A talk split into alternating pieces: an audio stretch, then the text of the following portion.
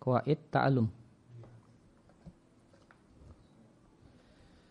Alhamdulillah wassalatu wassalam ala rasulillah wa ala alihi wa sahbihi wa man tabi'ahum bi ihsanin ila yaumidin amma ba'd kaum muslimin dan muslimah santri mat al-ilmi Yogyakarta rahimani wa rahimakumullah kembali kita lanjutkan membaca dan mentelaah sarah risalah latifah fi usulil fiqhi yeah. Matan karya Syekh Abdurrahman Ibn Nasir As-Sa'di rahimallahu taala sarah atau penjelasan dari Syekh Sa'ad Ats-Tsatsri hafizahullah taala wa wafaqahu.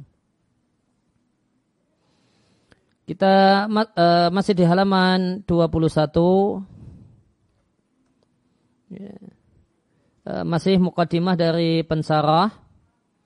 Beliau katakan Qawaidu ta'alum ilmil usuli wal istifadati minhu.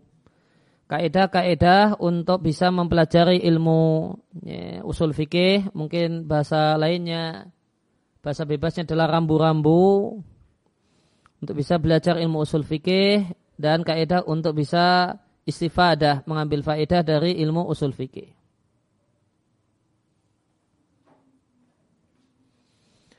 Hadal ilmu, ilmu ini minal ulumi syar'iyyati termasuk ilmu syar'i termasuk ilmu agama.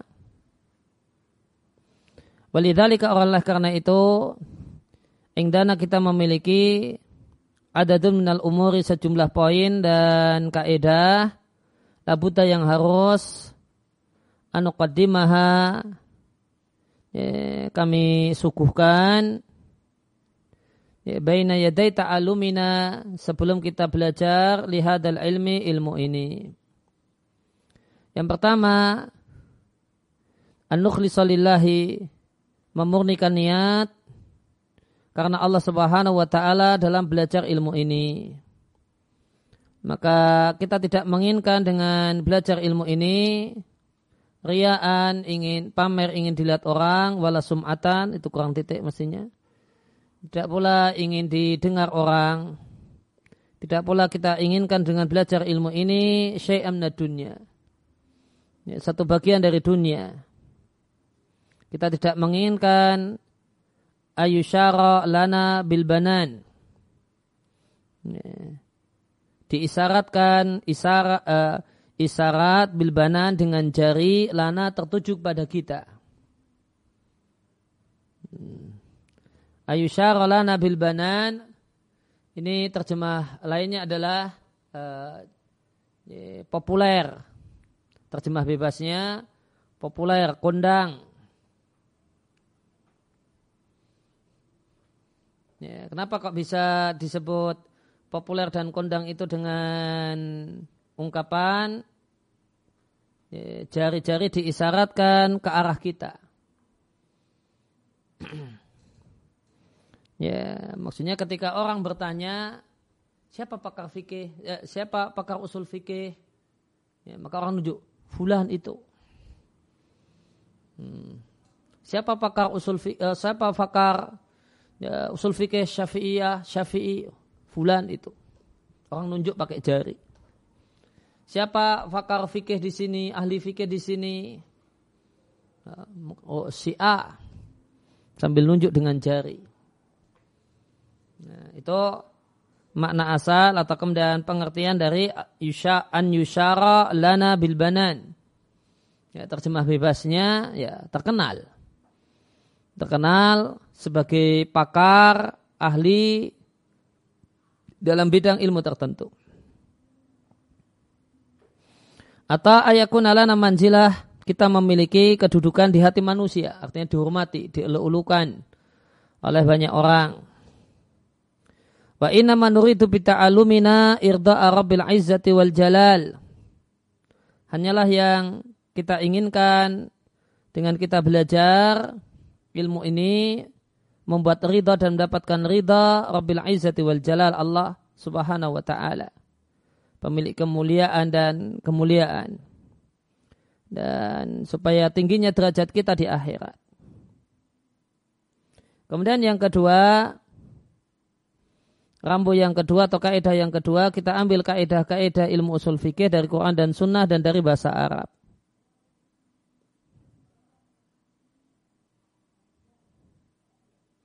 Kemudian yang ketiga di antara kaidah belajar ada belajar dengan guru.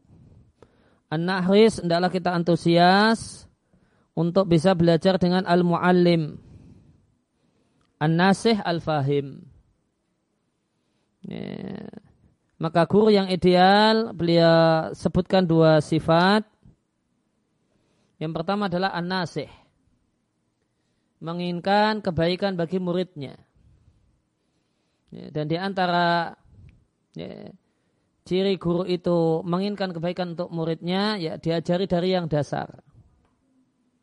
Ya, sehingga nampak terlihat ketika beliau mengajar, yang diinginkan bukanlah pamer ilmu, namun yang diinginkan adalah memahamkan ya, memahamkan murid. Ya. Sehingga meskipun beliau umurnya uh, ilmunya tinggi, dia bisa turun ini, turun ini, untuk kemudian mencari cara dan bahasa dan kalimat yang enak, tepat, nyaman, bisa memahamkan siswa, bisa memahamkan murid. Ini guru yang nasih. Maka yang dia inginkan adalah muridnya faham, mengerti dan menguasai materi. Bukan pamer ilmu meskipun sehingga murid cuma bisa mengatakan wah guru saya pokoknya hebat jago ya, karena uh, si guru menyampaikan hal-hal yang jauh dari penangkapan ya, muridnya maka muallim guru yang nasih menginginkan kebaikan untuk murid adalah alimun rabbani ini disebut dengan alim Rabbani. Orang yang berilmu Rabbani yang menjadi pendidik. Yang didefinisikan dengan alladhi yu'allimu sirar al-ilmi qabla kibarihi. Yang mengajarkan ilmu yang dasar-dasar, yang simpel-simpel, sebelum yang besar, yang ruwet-ruwet, yang khilaf-khilaf. Ya, yang diperselisihkan. Maka di antara ciri Eh, materi dasar eh, tidak membahas perselisihan ulama. Di semua bidang ilmu ada perselisihannya. Namun karena ingin agar uh, pembelajar itu faham, ya, maka pertama kali ngajar adalah tidak menyertakan dan tidak menyibukkan pembelajar dengan perselisihan. Namun di dibersamai pelan-pelan ini dari yang dasar, kemudian yang lebih tinggi, kemudian yang lebih tinggi. Kemudian yang kedua, guru yang baik itu yang fahim. Faham dan menguasai materi yang mau diajarkan. Bahasa kerennya ya, ya, ya capable, berkompeten. Ya, maka ya, belajar fikih kepada yang memang mendalami fikih, menguasai fikih, belajar akidah ya pada orang yang memang menekuni akidah, ya, faham detail-detail akidah dan seterusnya. Ya, maka seorang murid yang ingin betul-betul belajar uh, ilmu harus uh, jangan salah guru. Jika bukan asal guru, oh yang penting gurunya ahlu sunnah, sunni. Ini padahal ternyata tidak menguasai topik bahasan. Ya, maka akidah, uh, guru yang dicari guru yang akidahnya lurus, akidahnya benar dan menguasai materi dan ilmu yang mau disampaikan dan diajarkan. Dan di antara ciri-ciri pokok ya, orang yang menguasai tema adalah bisa membahasakan Ya, pesan yang sama bisa dibahasakan dengan bahasa yang lain yang sederhana dan memahamkan. Ya, maka ketika misalnya di bukunya bahasanya ruwet, maka dia akan silakan tutup buku saya jelaskan begini. Ya, faham ya, dengan bahasa yang sederhana yang turun ke bahasa ya, meninggalkan posisi yang tinggi turun ke bahasa orang yang mampu. Ya, bahasa yang bisa dipahami oleh murid. Ya. Setelah faham, ayo kita buka lagi buku tadi. Kita baca lagi paragrafnya. Ya, dengan modal faham tadi kita akan bisa baca ini kalimatnya ruwet namun e, karena sudah tahu isinya nanti akan e, bisa ya, faham dengan baik. Nah, kembali ke buku, maka ilmu syariat atau ilmu agama manusia terus-menerus mentransfernya, memindahnya. Ada transfer, proses transfer antara satu orang dengan antara guru dengan murid.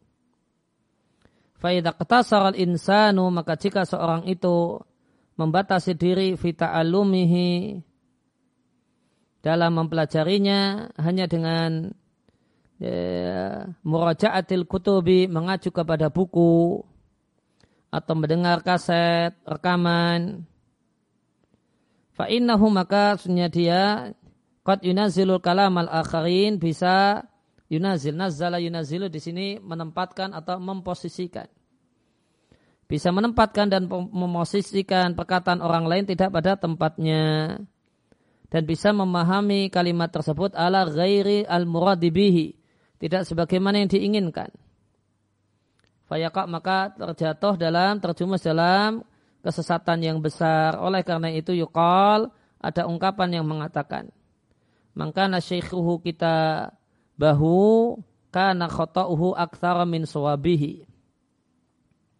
Siapa yang gurunya adalah bukunya, maka kesalahannya lebih banyak daripada benarnya.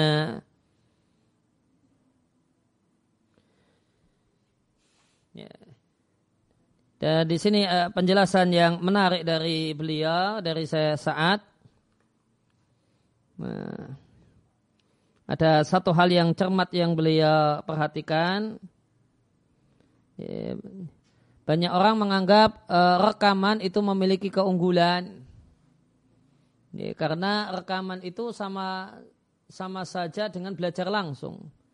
Karena semua proses yang ada saat majelis itu terekam. Ya, maka bedanya cuma tidak majelis ya, ya, majelis langsung offline. Ini dengan rekaman, rekaman kajian.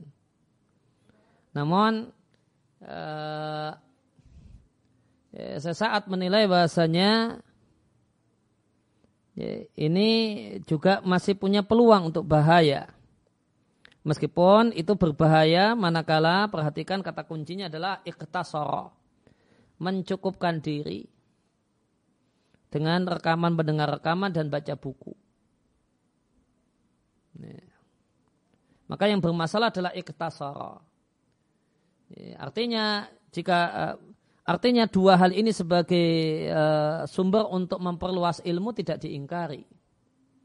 Orang itu tambah berilmu, tambah luas wawasannya, makin banyak kata orang piknik ke berbagai macam buku.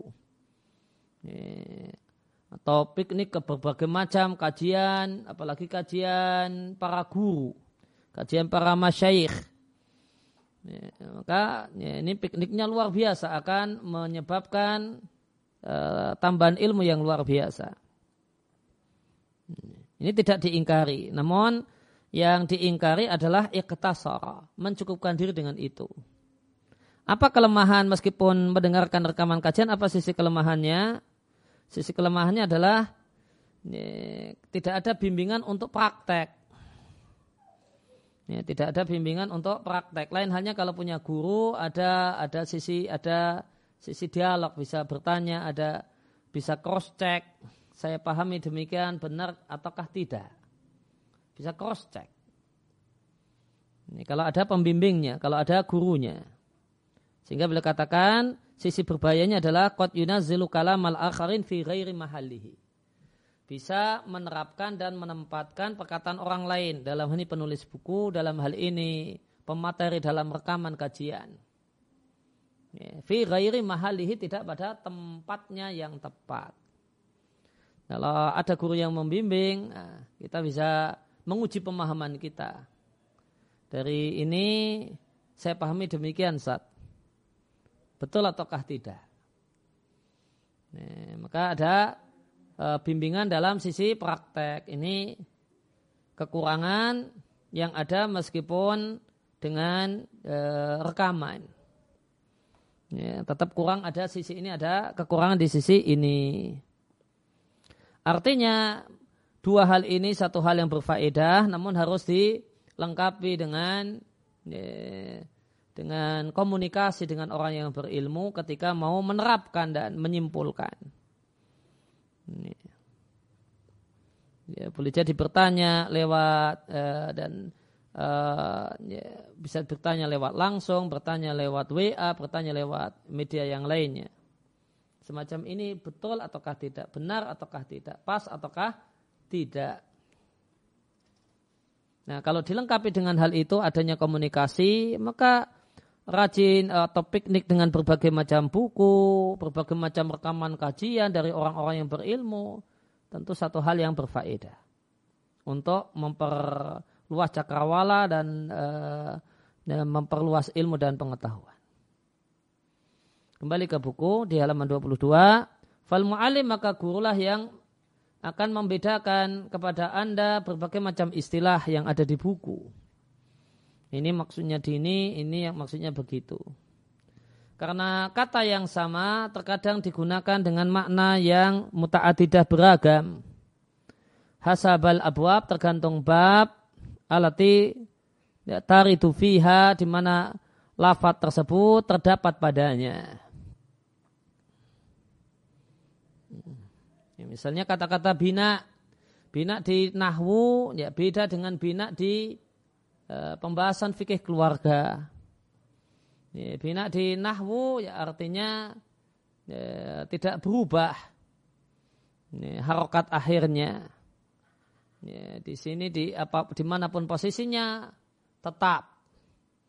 Ya, bina di di bab, uh, bab pernikahan artinya suami istri kumpul. Ya, kumpul ya kumpul satu rumah satu kamar. Nah itu sehingga ada Lailatul Bina, malam al-bina. Nah, dan ini beda lagi kalau kita baca baca bacaan umum bina artinya bangunan. Maka kata yang sama itu dalam konteks yang berbeda makna dan maksudnya berbeda. Nah, kalau ada yang membimbing maka ya, ya belajar itu mudah karena ya, karena berarti siap konsumsi. Ini, ini karena sudah siap, tinggal gurunya jelaskan ini artinya begini, kalau ini artinya begitu. Sudah instan kalau ada gurunya itu instan. Ini, kalau nggak ada gurunya ya instan kita harus pusing-pusing dulu ini apa ya saya tahunya bina itu bangunan. Ini, tapi kok nggak cocok ya di sini ya? Ini kok malam bangunan? Suami istri malamnya malam bangunan. Nah, ini ini bangun apa? Gitu kan? Kan nggak ada bata nggak ada semen kok tiba-tiba bangunan? Nah, gitu. Nah kalau kalau tidak ada pembimbing ya, maka kita harus kerja keras. Harus pakai bingung, harus pakai proses mencari. Ya, tidak bisa instan. Tapi kalau ada gurunya instan, enak sekali. Ya, sudah selesai tinggal telan. Nah, dan ya, maka diperlukan dua kalau tanpa uh, guru pembimbing untuk membaca satu buku saja.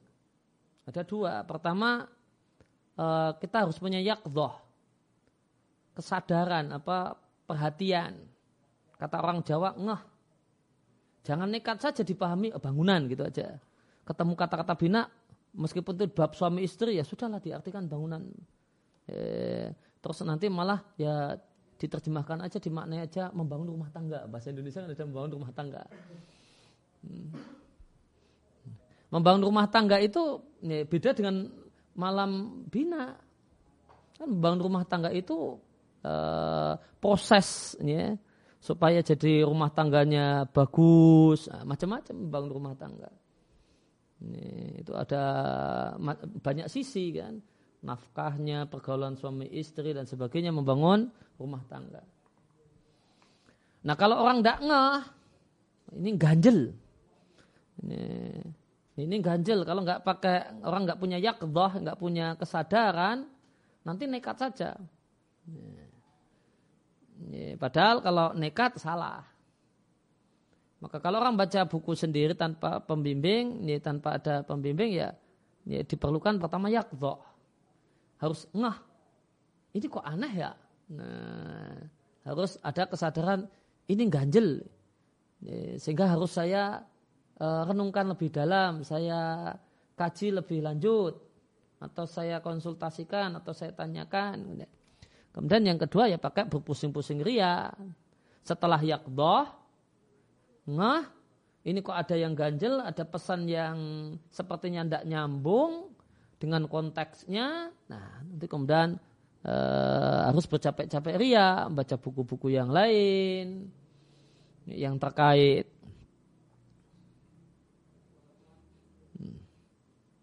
Nah, dua hal ini itu tidak perlu kalau ada guru yang membimbing.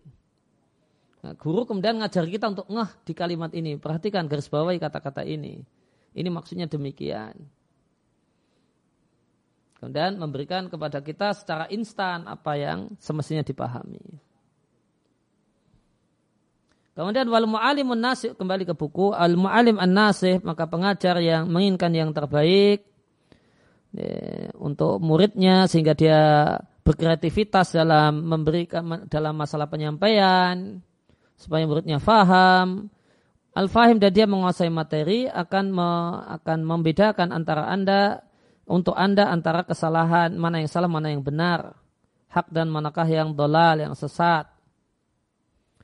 Wal mu'alim an-nasi dan e, pengajar yang nasi akan menghilangkan berbagai macam kerancuan, wal iskala dan kebingungan yang boleh jadi dimasukkan oleh setan dalam pikiran Anda. Karena setan memasukkan berbagai macam kebingungan di hati manusia.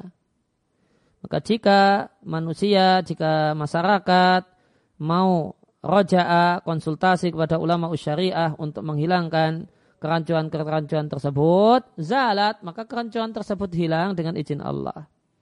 Namun, jika tiap orang itu itada, mengandalkan atau e, mengandalkan pendapatnya,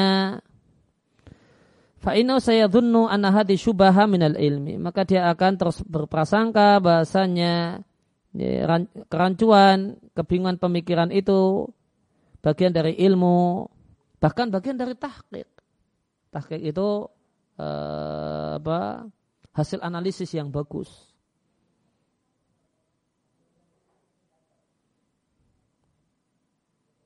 Itu tahqiq. Dan yang namanya hasil analisis itu ya pakai kegiatan berpikir, namun berpikirnya ya menggunakan bahan. Kalau tidak ada bahan asal mikir, ah, itu hasilnya ngawur, nggak tahqiq. Ini tahqiq di sini ini punya bahan-bahan, kemudian bahan ini ya tidak diterima, kemudian ditelan mentah-mentah. Berbagai bahan ini dianalisis, Ya, kemudian dibuat kesimpulan. Oh dalam masalah ini ada perbedaan. Oh dalam masalah ini ada rincian.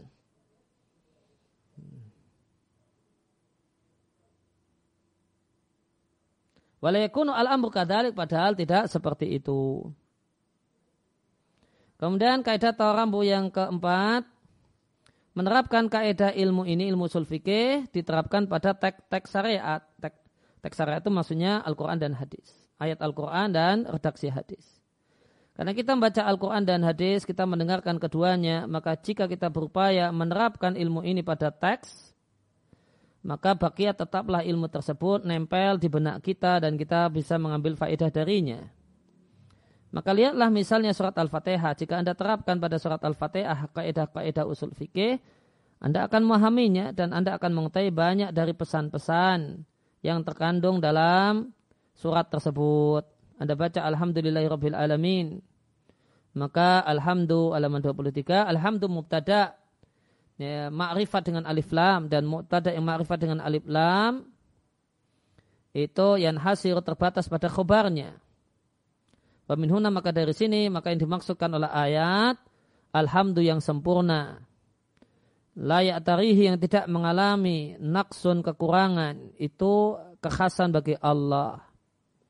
Demikian juga firman Allah Ta'ala ia karena abudu. Ini adalah gaya yang lain dari asal bil hasr, gaya uh, yang mengandung uh, gaya bahasa yang mengandung pesan hanya. Ka'annahu qala seakan-akan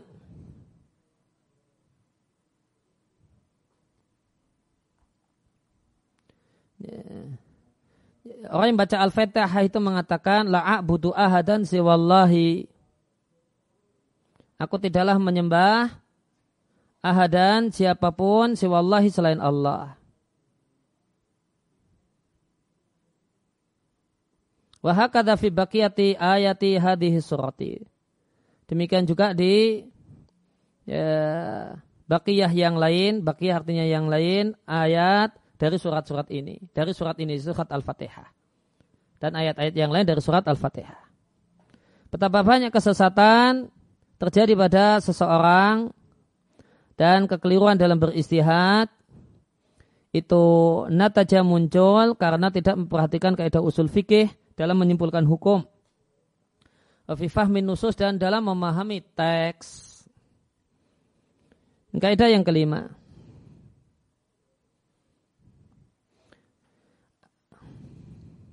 Ya, ya, kaidah atau rambu yang kelima dalam belajar akhdu mu'alafin minal mu'alafatil mutaqaddimah adalah mengambil salah satu buku ya, dari sejumlah karya yang telah lewat.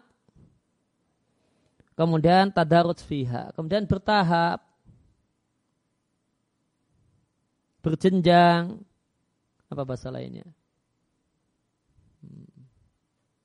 Step by step. Fa'ina tadaruja karena bertahap dalam belajar ilmu ini akan memberikan faedah pada akan banyak memberikan faedah kepada seseorang. Wakat ulifat dan telah ditulis kutubun muta'adidah banyak buku dalam ilmu ini yaitu ilmu usul fikih. Dan kitab yang ada di hadapan kita Risalah Latifah Jami'ah fi Usulil Fiqih Al-Muhimmah yu'tabaru teranggap atau dinilai bimasabatil binah al-ula. Ya, bimasabah uh, seperti kedudukan, masabah artinya kedudukan. Uh, terjemah yang enak tambah seperti seperti kedudukan ala binah al-ula ya, batu bata pertama dalam belajar ilmu usul fikih. Ya, jadi kita ada peletakan batu pertama misalnya. Ini batu pertama orang untuk belajar ilmu usul fikih, kata Sesa Atatri, eh, belajar ini, Risalah Latifah. Nah, summa ba'da hadal kitab, kemudian setelah buku ini naik ke Warokot, karya Abdul Ma'ali Al-Juwaini. Kemudian setelah itu Qawaidul Usul wa Maqaidul Fusul karya Sofi Al-Hambali. Setelah itu Mukhtasar Raudhah karya Tufi, setelah itu Mukhtasar Ibnu Liham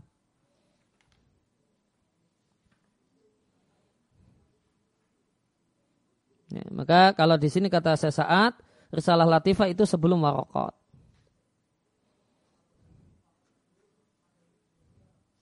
Wa min fadlillahi azza wa jalla dan di antara karunia Allah azza wa jalla untuk kami itu saya saat Allah telah haya telah mudahkan Allah telah mudahkan bagi kami suruhan memiliki sejumlah sarah untuk buku-buku di atas. Ya, saya saat punya sarah untuk Irsalah Latifah, beliau punya sarah untuk Al-Waraqat.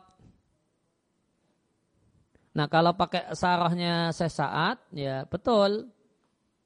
Eh, Risalah Latifah itu sebelum Waraqat, sarahnya sesaat. Nih, tapi kalau sarahnya itu, sarahnya Waraqat itu ya semisal sarah mahali, sarah eh, awal-awal dari al-waraqat ya maka kurang lebih 11-12 antara risalah latifah sarah saat dengan uh, waraqat sarah misalnya al-mahalli. Wa asbah dan jadilah e, minas suruh sarah sarah sarah saat itu termasuk sarah yang tercetak dan mutadawi ini mutadawalah beredar. Dan Allah Jalla wa ala telah bermanfaat dengannya. Thumma ba'da dzalika kemudian setelah itu yasilul insanu maka seorang itu sampai pada marhalati tahqiq. Fase tahqiq punya kemampuan analisis fi hadil qawaid dalam kaidah-kaidah ilmu usul. Nah, kita lihat coba ya, terjemah tahqiq itu ya, pas enggak kalau kita terjemahkan analisis. Nah, ini bisa kita simpulkan tepat ya, berdasarkan kalimat setelahnya. Ya'rif al-haqqa minal khata'i fiha. Bisa tahu mana yang benar dan mana yang salah dalam kaidah-kaidah usul fikih. Apa itu? Bisa mengetahui mana yang tepat, mana yang salah, ya kemampuan analisis. Ya, dan analisis dan analisisnya ya mengkerucut menghasilkan simpulan.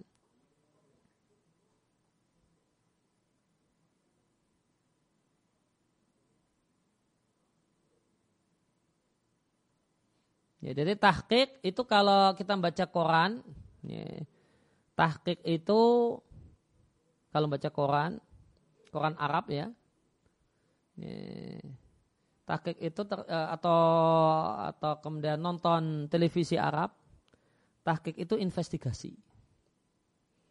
Nah, ada acara tahqiq, nah, itu investigasi ada peristiwa apa, kebakaran di mana, kemudian nanti investigasi sebab kebakaran itu ini dan sebagainya gitu. Itu tahqiq. Hmm. Kemudian tahqiq kalau dalam uh, belajar ilmu fikih, belajar belajar fikih, tahqiq itu punya pengertian yang lain. Tahqiq kalau di bidang ilmu fikih artinya ya, uh, mengetahui hukum plus dalilnya. Hmm. Kenapa hukumnya demikian? Apa alasannya? Nah, itu namanya marhalatul tahqiq di dirasati al-fiqhi dalam kajian fikih.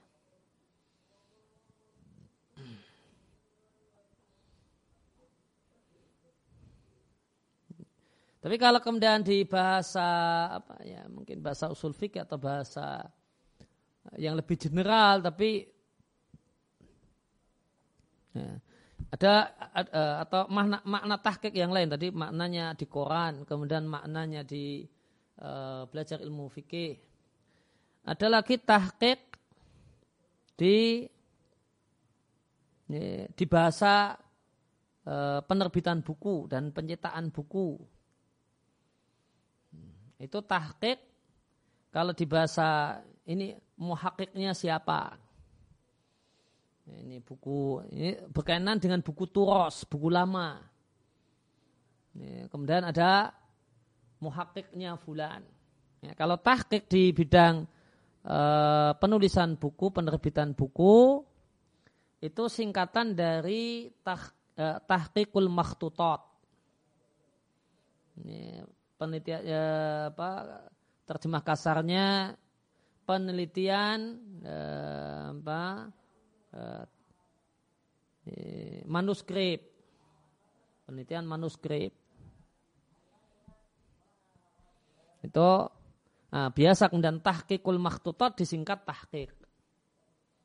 Sehingga tahqiq itu artinya kalau di bahasa Indonesia kajian filologi ini.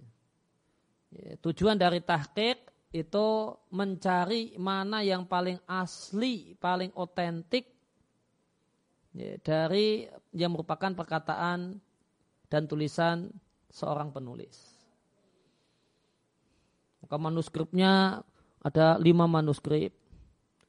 Ada yang ditulis di zaman ini, zaman penulis. Ah, kemudian ada ya, tulisan si penulis itu sendiri mana yang paling asli dari ini, paling paling tepat. Nah, maka kegiatan ini disebut tahqiq. Dan kalau di ya, tahqiq dalam e, istilah yang tadi kita baca, ya, tahqiq itu kemampuan analisis. Dan ulam e, dan secara umum tidak semua it, ulama itu ahlu tahqiq. Ya sehingga ahlu tahqiq kadang saya terjemahkan dengan ulama yang keilmuannya di atas rata-rata. Dan ada ya tetap sudah tergolong ulama namun bukan ahlu tahqiq. Dia cuma ya, hafalannya kuat, ini ada di sini, jawabannya ada di sini, ya sudah di situ saja. Nah, nah.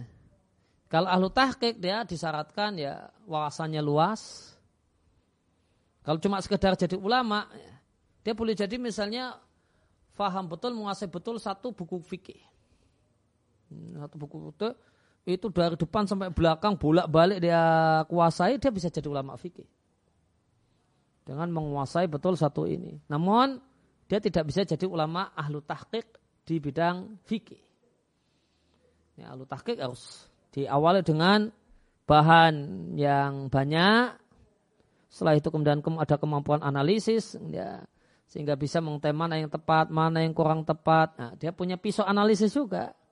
Punya pisau analisis, punya bahan, dan kemudian kemampuan intelektual untuk meramu itu semua. Nah, jadilah ulama ahlu tahqiq. Hmm. Ya, tentu di antara ulama ahlu tahqiq di antaranya adalah ya Syekh Husain Taimiyah rahimallahu taala.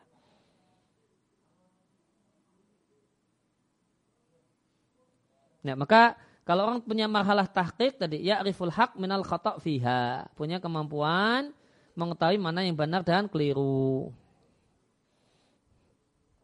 Wima wa mimma wa mimma uli, uh, ulifa dan di antara buku yang ditulis lil usul yang mengantarkan supaya bisa sampai ilaha dil rutbati pada level ini yaitu level tahqiq dalam ilmu usul fikih adalah kitab Raudatun Nadir karya Ibnu Qudamah dan Qawaidul Adillah karya As-Sam'ani. Dan Syekh Ibnu Sa'di rahimallahu taala di antara ulama yang Allah Jalla wa ala memberikan manfaat dengan karya-karya beliau dan dengan murid-murid beliau. Di antara karya beliau di bidang tafsir, Taisir Karimi Rahman, fi tafsir kalal, fi kalamil manan ini di bidang tafsir Al-Quran. Demikian juga ada kitab beliau Qawaidul Hisan fi tafsir Al-Quran. Beliau sebutkan kaidah-kaidah yang bisa dimanfaatkan oleh seseorang untuk memahami Quran dan Sunnah. Di antara karya beliau dalam bidang fikih Manhajus Salikin wa Tauhidul Fiqhi Fiddin. Satu buku yang ringkas dalam ilmu fikih dan Allah ya, dan dan Allah Jalla wa ala telah memudahkan untuk saya saat secara hadil mu'alafat mensarah buku-buku ini. Ya, penulis rahimallahu taala wafat pada tahun 1376 Hijriah dan di antara muridnya yang paling terkenal adalah Syekh Ibnu Thaimin. Demikian juga Syekh Abdullah Al-Basam, penulis ya, Taudih Al-Ahkam, ya, Sarah Bulul Maram, penulis Taisir Alam, Sarah Umdatul Ahkam. Kemudian kita masuk mukadimah, tadi mukadimah pensarah, kemudian sekarang kita mukadimah penulis matan. Bismillahirrahmanirrahim. Alhamdulillahi nahmaduhu ala ma lahu minal asma'il husna. Segala puji milik Allah, kami memujinya karena nama-nama indah yang dia miliki. Penjelasannya. Bismillahirrahmanirrahim artinya aku minta tolong dan aku belajar dengan menyebut nama Allah. Dan mu'alif memulai hadir risalata buku ini dengan basmalah. Dan dengan wabihamdillahi ta'ala dan memuji Allah ta'ala iktidaan bil kitabil azim. Karena meneladani Al-Quranul Kari, uh, Al-Kitab Al-Azim sebagaimana di awal-awal surat Al-Fatihah. Alhamdulillah yang dimaksud dengan alhamdu adalah sanjungan kepada Allah Azza wa Jalla dan mensifati Allah dengan sifat-sifat sempurna yaitu sifat yang layak tarihi tidak mengalami naksun kekurangan fiha dalam sifat tersebut. Yang dimaksud dengan alhamdu di sini adalah alhamdul kamil, pujian yang sempurna. Maka tidak ada, tidaklah dipuji dengan pujian yang sempurna tanpa ada cacat atau kekurangan padanya kecuali Rabbul Izzati wal Jalal pemilik kemuliaan dan keagungan. Nahmatu ala ma minal asma'il husna. Kami memuji Allah karena nama-nama terindah yang Allah miliki. Maka Allah subhanahu memiliki nama-nama yang terindah. Fanahnu nuthbitu kami menetapkan. Ini terjemah letaknya. terjemah luasnya dan bebasnya kami mengimani bahasanya Allah memiliki nama wa ana hadil asma'a dan bahasanya nama-nama ini adalah nama-nama yang terindah Allah Ta'ala berfirman walillahil asma'ul husna ya, Allah memiliki nama-nama terindah maka adalah kalian berdoa meminta kepada Allah biha dengan nama-nama tersebut Waqat warada fil hadis dan terdapat dalam hadis Allah memiliki 99 nama 100 kurang satu siapa yang menguasainya dakhalal jannata niscaya dia masuk surga. Kembali ke matan. Wa ala uh, di halaman 26 wa ala ahkamil qadariyatil amati likulli mukawwanin mawjudin. Dan kami memuji Allah Subhanahu wa taala karena hukum-hukum qadari. Hukum-hukum qadari sama dengan takdir. Yang bersifat umum yaitu berlaku likulli mukawwanin untuk semua makhluk mawjudin yang ada. Dan kami memuji Allah wa ahkami syar'iyati karena hukum-hukum syariat yang Allah tetapkan asyamilati kulli masyru'in yang mencakup semua hal yang dituntunkan. Dan hukum wa ahkamil jazai dan hukum balasan berupa pahala bagi orang-orang yang berbuat baik dan hukuman lil mujrimin bagi orang-orang yang berbuat jahat. Ya, penjelasannya. Dan Allah memiliki sifat-sifat sempurna al-ulia. Oh, kok nggak ada ya? ya ini kauluhu wa sifatil kamilatil ulia. Nggak ada kan di matanya?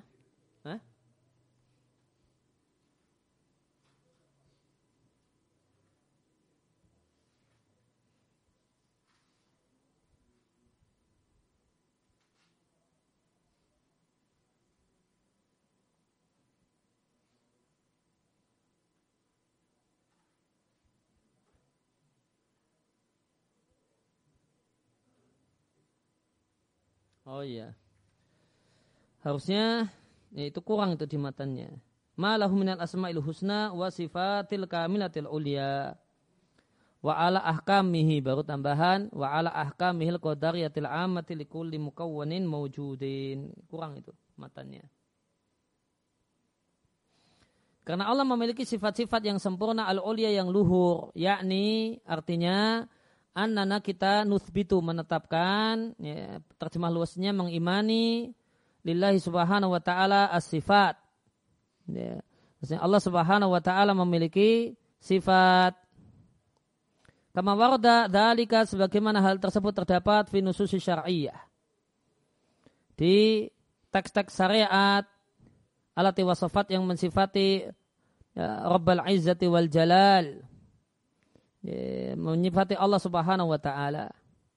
Maka kita imani sifat Allah dengan menghindari tiga hal min hair tahrifin tanpa ada tanpa melakukan penyelewengan penafsiran. Wala takhifin dan tanpa membahas bagaimanakah bentuk real sifat Allah. Wala tamsilin tanpa berkeyakinan dan beranggapan sifat Allah serupa dengan sifat makhluk wala ta'tilin tanpa mengingkari sifat tersebut. Dan kita memuji Allah sebab yang ketiga tadi kita memuji Allah dengan ya, dengan sejumlah alasan. Yang pertama karena dia nama-nama yang indah, kemudian yang kedua sifat-sifatnya yang ya, sempurna dan luhur. Kemudian yang ketiga kita memuji Allah karena hukum kodari, takdir Allah Subhanahu wa taala yang berlaku pada semua, semua makhluk. Yakni artinya kita memuji Allah Jalla wa'ala aidan juga karena hukum-hukum qadar, karena takdir Allah. Fa innahu subhanahu maka Allah subhanahu huwal mutasarrifu dialah zat yang mengatur fil kauni jagat raya. Dia membuat kaya siapa saja yang dia kehendaki, membuat miskin siapa saja yang dia kehendaki. Yarfa'u mayyasha dia tinggikan siapa yang dia kehendaki, dia muliakan siapa yang dia kehendaki, dia hinakan siapa yang dia kehendaki. Yakhtabirul ibadah. Dia menguji para hamba dengan berbagai macam bala dan musibah. Wa dan mengatur fi hadzal kauni jagat raya ini, mengatur mataharinya, rembulannya, kawakib bintang-bintangnya, langit dan buminya. Demikian juga ya tasarruf mengatur fil kainatil hayyah. Kainatil hayyah makhluk hidup. Ini satu paket itu kainatil hayah makhluk hidup. Makhluk hidup baik manusia ataupun jin. Bahimatul an'am binatang bahimatul an'am. Bahimatul an'am itu tiga jenis hewan. Ini, ota, uh, onta, sapi dan kambing. Termasuk kambing biri-biri, termasuk sapi kerbau. Wahayawanatil bari wal bahar ya, hewan darat yang selain bahimatul an'am tentunya wal bahar dan hewan laut termasuk laut sungai nah, bisa diterjemahkan dengan terjemah bebas hewan air Faidan maka jika demikian kita memuji Allah yang pertama karena karena nama dan sifatnya. Kemudian yang kedua kita memuji Allah thanin yang kedua karena takdirnya. Wa ma bihi fil kauni. Ya yang dengan takdir tersebut bihi dengan takdir hanya kembali ke takdir ya tasarrufu Allah mengatur fil kauni jagat raya. Kemudian yang ketiga berarti kita memuji Allah karena hukum-hukum syar'i yang meliputi semua hal. Wakadhalika maka demikian juga kita memuji Allah Jalla wa'ala karena syariat dan agamanya. Di mana Allah menurunkan Alkitab Al-Quran tibyanan linasi, menjelaskan, memberi penjelasan untuk manusia. Dan sesuatu itu tidak bisa menjelaskan kalau dia sendiri tidak jelas. Ini, maka Al-Quran itu jelas. Sehingga dia bisa menjelaskan kepada manusia yang membacanya dan merenungkannya. Kalau dia jelas, ya maka ya gamblang maknanya, bukan teka-teki. kalau kalimatnya adalah kalimat yang muatannya teka-teki, ya, itu tidak menjelaskan namun menyesatkan. Karena orang salah tangkap. Oh ini apa maksudnya ya? ya si A lah. Ya, ternyata B maksudnya. Maka Al-Quran itu tibianan linnas. Menjelaskan, memberikan penjelasan kepada manusia. Dan di antara bukti kalau Al-Quran itu jelas, sehingga bisa menjelaskan adalah adanya perintah untuk merenungkan Al-Quran. Merenungkan Al-Quran berarti Al-Quran bisa direnungi, direnungkan, bisa direnungi. Ya, kalau dia teka-teki ya nggak bisa direnungi. Bisanya nebak-nebak. Uh, wajah Allah dan Allah jadikan syarat ini syamilah lengkap. Fama min syai'in tidak ada satupun ila kecuali dalam syariat Allah terdapat hukumnya. Sebagaimana firman Allah Ta'ala, wa nazzalna alaikal kitab tibyana likulli syai'. Nah. Nazalnya di sini pakai wazan fa'ala yufa'ilu dan di sini dalam konteks ini maknanya adalah litakfir. Untuk mengisyaratkan bahasanya Al-Quran itu turun berangsur-angsur. Wa nazalna alaikal kitaba dan kami turunkan Alkitab Al-Quran kepadamu dengan berangsur-angsur. Tibyanan likuli syai'in menjelaskan segala sesuatu. Dan tibyannya Al-Quran itu dua macam. Penjelasan, memberikan penjelasan secara global dan yang kedua memberikan penjelasan secara rinci. Memberikan penjelasan secara global bentuknya dengan memberikan kaidah. Contoh kaidahnya, kaidah wajib taat Rasul. Nah, ya, ini nanti uh, apa ini penjelasan global, muatannya banyak sekali. Kemudian ada penjelasan rinci, Al-Quran merinci secara detail, misalnya bagi waris, sejumlah ketentuan untuk apa ketentuan pelaksanaan ibadah haji, itu ada penjelasan detailnya di Al-Quran. Hukum perceraian, itu dijelaskan cukup detail di Al-Quran. Kemudian yang ke kalau mau pakai nomor dari saya saat ini tadi nama dan sifat jadi satu, kemudian hukum syar'i nomor tiga, dua, atau hukum kodari nomor dua, kemudian hukum uh, syar'i nomor tiga, kemudian ada hukum yang ketiga, yaitu hukum al-jaza, hukum balasan di akhirat berupa pahala bagi orang yang berbuat baik. Yakni artinya kita bersyukur dan memuji Allah karena ganjaran yang Allah berikan kepada orang-orang yang berbuat baik dan hukuman yang Allah berikan pada orang-orang yang berbuat jahat di dunia dan di akhirat. Sebagaimana firman Allah Ta'ala, Innal abrar lafi na'im wa innal fujar lafi jahim.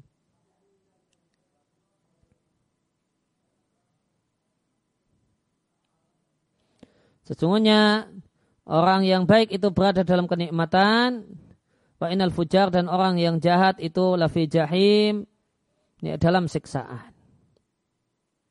Waqad qadar Allah azza wa jalla ibadil mu'minin dan Allah telah mentakdirkan Allah telah menetapkan bagi hamba-hamba yang beriman an-nasr kemenangan wa, ya, wa dan dukungan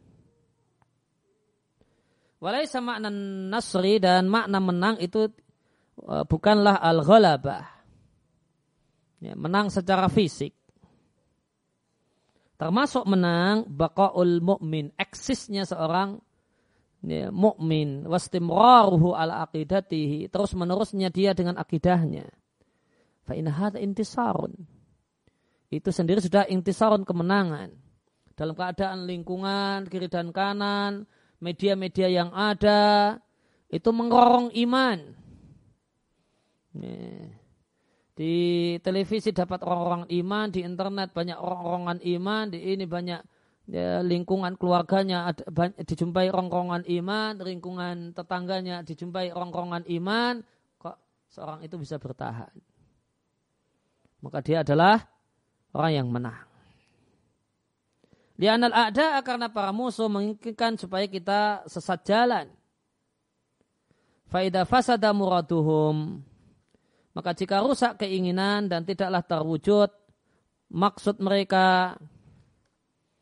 Maka jika rusak keinginan mereka, lam yatahakok tidak terwujud maksud mereka. Laman 28. Fa'inana nakunu bidalika. Maka dengan hal itu kita telah intasorna alaihim kita sudah menang menghadapi musuh. Oleh karena itu kita jumpai sebagian nabi tidaklah beriman bersama nabi kecuali satu atau dua. Wa ma'adzalika meskipun demikian. Ma'a itu sering kali artinya terjemahnya adalah meskipun. Wa ma'adzalika meskipun demikian yaitu apa? Ya, ada nabi yang cuma pengikutnya cuma satu ataukah dua. Fakadita sara ala kaumihi dia menang menghadapi kaumnya. Bi baqaihi ala dinihi. Dengan dia tetap eksis dengan agamanya. Kembali ke matan. Wa asyhadu an la ilaha illallah wahdahu la syarikalah fil asma'i was sifati wal ibadati wal ahkami. Saya bersaksi bahwasanya tiada sembahan yang berhak disembah melainkan Allah semata, tiada sekutu baginya dalam nama dan sifatnya. Wal ibadati wal ahkami dalam hak nya untuk disembah wal ahkami dan dalam hukum yang dia tetapkan. Wa asyhadu anna Muhammadan abdu wa rasuluhu alladzi bayyana al-hikama wal ahkama. Dan aku bersaksi bahwa Muhammad adalah hamba Allah dan Rasulnya yang menjelaskan berbagai macam hikmah dan menjelaskan berbagai hukum. Penjelasannya. Wa asyhadu an la ilaha illallah wahdahu, yakni artinya annana nukiru kami mengakui bahasanya Allah lah yang berhak untuk mendapatkan ibadah, wahdahu semata dia. Walidhalika oleh karena itu kami tidaklah tujukan ibadah-ibadah kami li ahadin kepada siapa pun siwahu selain dia. Maka solat kita untuk Allah semata, nadar kita untuk Allah semata. Kita tidak bersujud untuk patung berhala, tidak pula untuk kubur.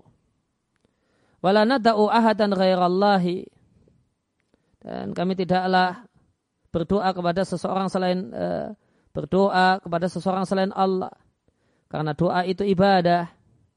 Sebagaimana firman Allah Ta'ala, rabbukum ud'uni astajib lakum. Rabb kalian ya, berfirman, ud'uni astajib lakum.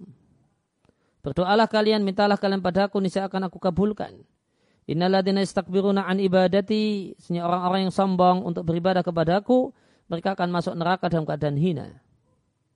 Maka Allah Ta'ala berfirman di awal ayat, berdoalah kepadaku. Di akhir ayat, sombong untuk beribadah kepadaku. Maka ini menunjukkan fasamma doa ibadatan. Allah menamai doa itu dengan nama ibadah.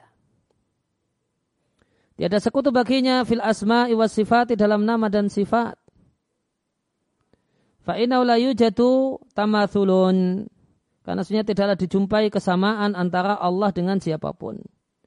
Dan tidak ada satupun makhluk yang bersekutu dengan Allah dalam sifatnya. Maka sifat sifat Allah Jalla wa ala ya, yastaqillu biha wahdahu. Allah independen biha dengan sifat-sifat tersebut wahdahu tanpa yang lainnya. Maka tidak ada yang uh, tidak ada sekutu bagi Allah dalam nama dan sifat, kemudian dalam ibadah dan hukum. Yakni artinya ibadah itu hak khalis murni milik Allah. Demikian juga tasyri'ul ahkam, menetapkan hukum itu adalah hak otoritas domain gitu ya bahasa bahasa uh, terjemahnya adalah milik Allah. Domainnya Allah, otoritasnya Allah, kewenangan Allah.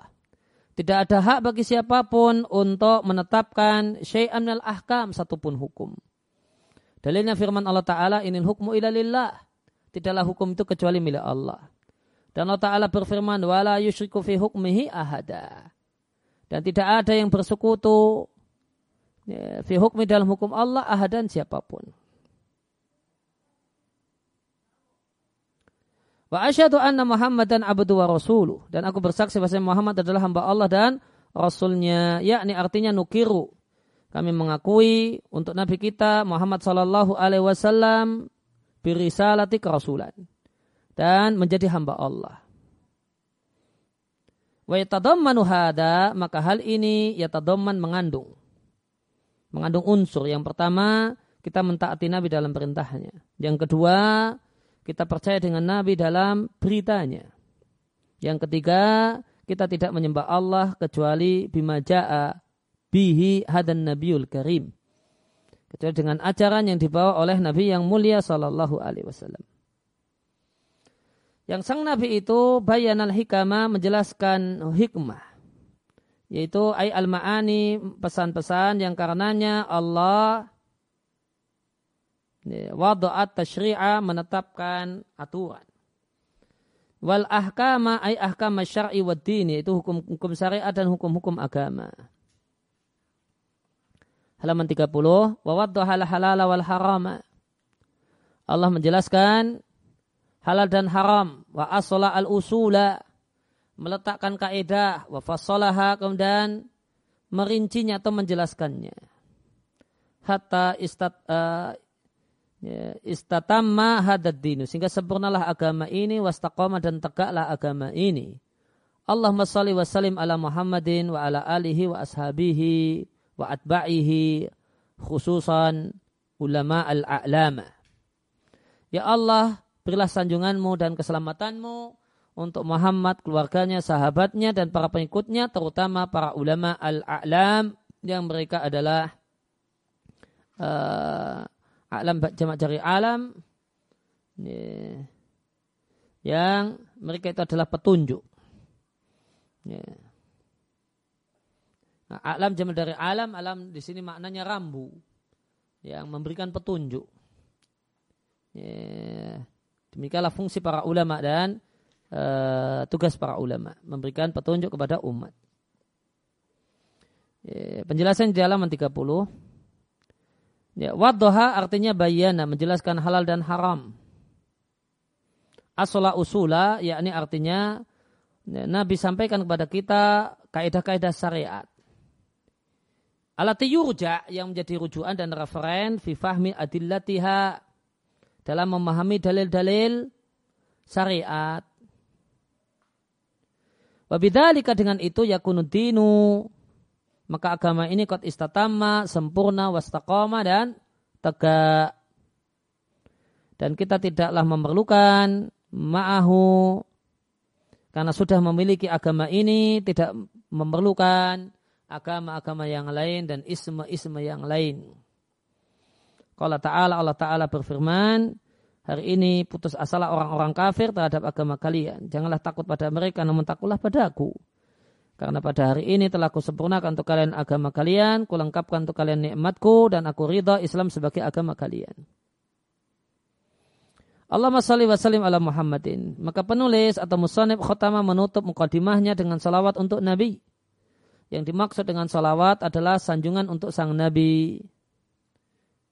Dan bersalat untuk Nabi termasuk amal yang mulia. Waqat amarallahu ta'ala biya dan amal yang Allah perintahkan.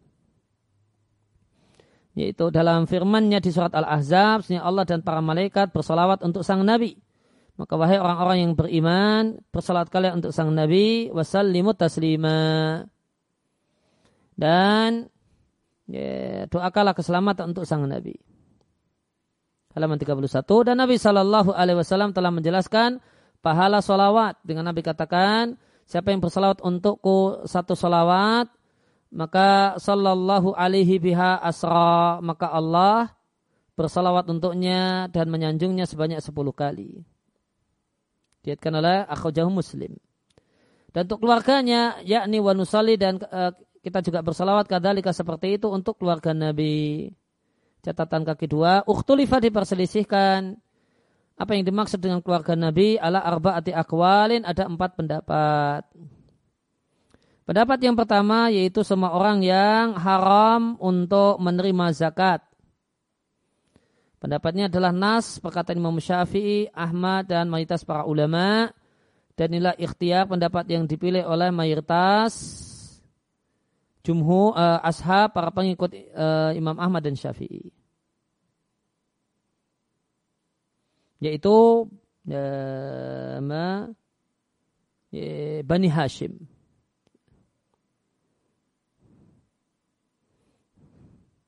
Pendapat yang kedua yang dimaksud keluarga Nabi khusus anak keturunan Nabi ditambah istri, khasah saja.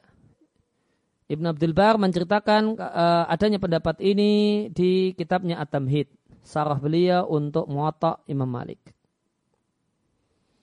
Pendapat yang ketiga, mereka adalah para pengikut Nabi sampai hari kiamat. Pendapat ini diceritakan, adanya pendapat ini diceritakan oleh Ibn Abdul Bar. Pendapat siapa? Nggak ditegaskan, cuma ba'di ahli ilmi. Pendapat yang keempat, mereka adalah khusus umat Nabi yang bertakwa. Adanya pendapat ini diceritakan oleh Al-Qadhi Husain. Ya, Qadhi Husain itu ulama syafi'iyah.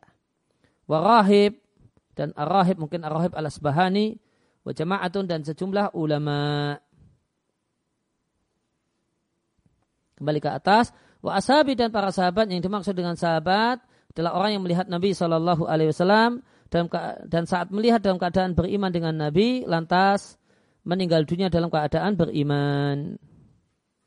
Dan para pengikut Nabi mereka lah orang yang berjalan di atas jalan Nabi, terutama para ulamaul a'lam. Penulis mengkhususkan para ulama karena mereka itulah orang-orang yang mengenalkan kepada manusia hukum-hukum Allah. Dengan sebab mereka Allah memberikan petunjuk para hamba untuk mengamalkan dan mempraktekkan di syariah syariat ini. Terdapat banyak nas tentang keutamaan mengikuti Nabi Shallallahu Alaihi Wasallam dan mengikuti para sahabat. Di antaranya adalah firman Allah di surat atau ayat yang ke-100. Orang-orang terdahulu dan pertama kali dalam iman yaitu muhajir dan ansar ditambah orang-orang yang mengikuti mereka dengan baik Allah ridha dengan mereka dan mereka ridha kepada Allah maka Allah menyanjung para pengikut salaf, yaitu pengikut muhajir dan ansar, disanjung dengan Allah ridha dengan mereka. Kembali ke matan, amma ba'du fahadi risalatun latifatun, ini adalah buku yang tipis. Fi usulil fiqhi, dalam bidang ilmu usul fikih, sahlatul alfadhi, mudah lafadznya, mudah dicerna, wadihatul ma'ani, gamblang pesannya, mu'inatun membantu untuk belajar hukum. Likuli muta'amilil ma'ani bagi setiap orang yang mau pesan dan makna. Kami mohon pada Allah agar Allah memberikan manfaat dengannya bagi yang mengumpulkan, demikian juga yang membacanya, demikian juga yang mendengarnya, demikian juga yang mendengar rekamannya. Innahu jawadun karim. Sehingga Allah adalah hadat yang maha pemurah dan pemurah. Penjelasannya. Bayan al-mu'alifu penulis Ibnu Sa'di rahimahullah ta'ala menjelaskan metode beliau dalam buku ini. Yaitu Risalah Latifah. Buku yang tipis. Buku yang tipis. Yang dimaksud dengan Latifah adalah khafifah. Tipis. Laisat bitawilat tidak panjang. Sahlatul alfat artinya mafhum annaha mafhumatul alfat. Redaksinya bisa dipahami membantu seorang untuk belajar hukum yakni ya, tumkinuhu memungkinkan baginya untuk memahami teks Kemudian beliau berdoa kepada Allah Azza wa Jalla agar memberikan manfaat dengan risalah latifah ini kepada yang mengumpulkannya yaitu yang menulisnya wa qari'aha dan yang membacanya demikian juga yang mendengarnya dan yang mendengar rekamannya. Amin.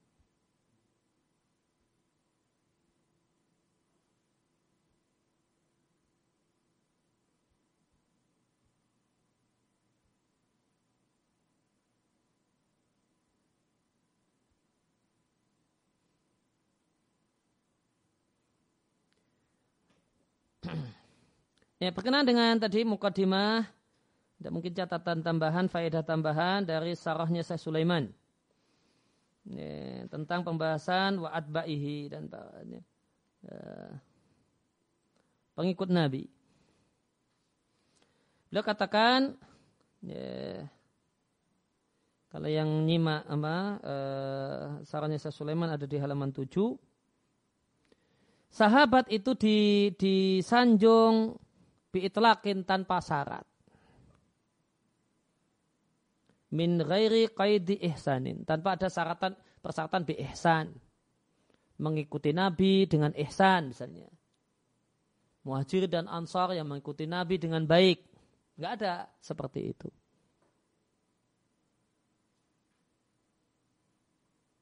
Kenapa demikian? Kenapa tidak ada uh, yeah, kriteria sahabat yang mendapatkan ridha Allah adalah muhajir dan ansar yang mengikuti Nabi dengan baik. Ini, jawabannya di sarannya Syekh Sulaiman li'annahum ahlu isanin karena mereka itu sudah otomatik. Uh, pasti mereka adalah orang-orang yang mengikuti Nabi dengan baik.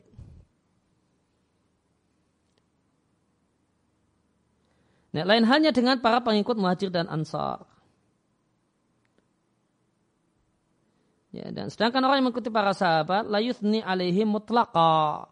Tidak disanjung secara mutlak. Ya. Namun, disanjung manakala al-itiba bi ihsan. Mengikuti para sahabat dengan baik. Yang mengikuti para sahabat dengan baik itulah yang disebut dengan mengikuti manhajus salafus saleh.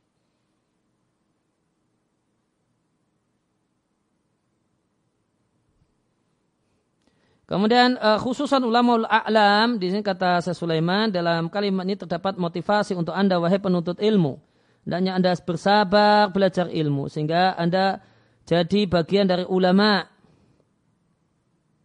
yang mendapatkan kekhususan didoakan oleh beliau ya, di antara sejumlah pengikut Muhammad Sallallahu Alaihi Wasallam yang demikian banyak.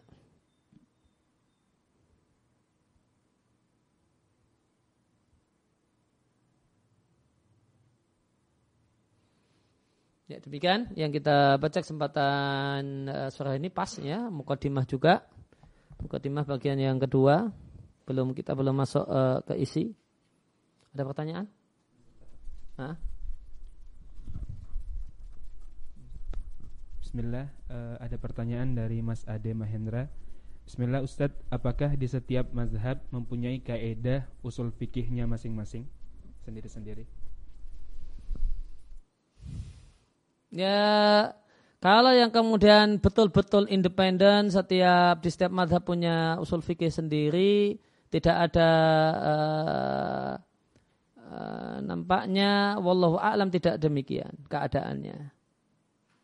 Ya, semisal ya bisa kita katakan di madhab Hambali itu tidak punya buku usul fikih sekelas warokot. Warokot itu syafi'i. Nah, Hambali tidak punya buku usul fikih yang sekelas warokot. Ya, ulama Hambali ya, pakai warokot untuk pelajaran usul fikih. Jadi kalau independen punya jalur sendiri seperti fikih. Kalau fikih masing-masing madhab punya jalur sendiri. Ini loh kalau belajar fikih madhab syafi'i ini ini, ini bukunya sampai uh, puncak. Ini madhab uh, hambali ini ini ini ini. Maliki ini ini ini. Hanafi ini ini ini. Nah, kalau uh, usul fikih enggak. Jadi realita ulama terdahulu mereka pakai irisan. Ada irisan Meskipun nanti masing-masing madhab ada kekhasan, namun mereka ndak ndak apa ya, ndak betul-betul independen gitu. Seperti misalnya tadi di antara buku penting usul fikih kalau di madhab hambali ada Raudatun Nadir Ibnu Qudamah. Perlu diketahui Raudatun Nadir itu ringkasan dari mustasfanya Al-Ghazali. Ya, Ghazali berarti Syafi'i. Ibnu Qudamah Hambali. Jadi buku level uh, buku level uh, tinggi usul fikihnya uh, Hambali, Raudatun Nadirnya Ibnu Qudamah itu mukhtasar dari Mustasfa. Buku usul fikih dari penulis madhabnya Syafi'i. Jadi kalau maka kondisi usul fikih itu beda dengan kondisi fikih. banyak apa, irisan gitu. Dan mereka tidak menilai uh, ulama-ulama dulunya tidak tidak berpandangan kita harus independen. Hambali misalnya, oh kita harus punya independen, menyusun sendiri dan seterusnya enggak. Ya, meskipun ya apa, sekarang kemudian ada usaha misalnya menghambalikan warokot gitu misalnya. Ya, supaya uh, hambali punya matan sekelas warokot yang khas hambali.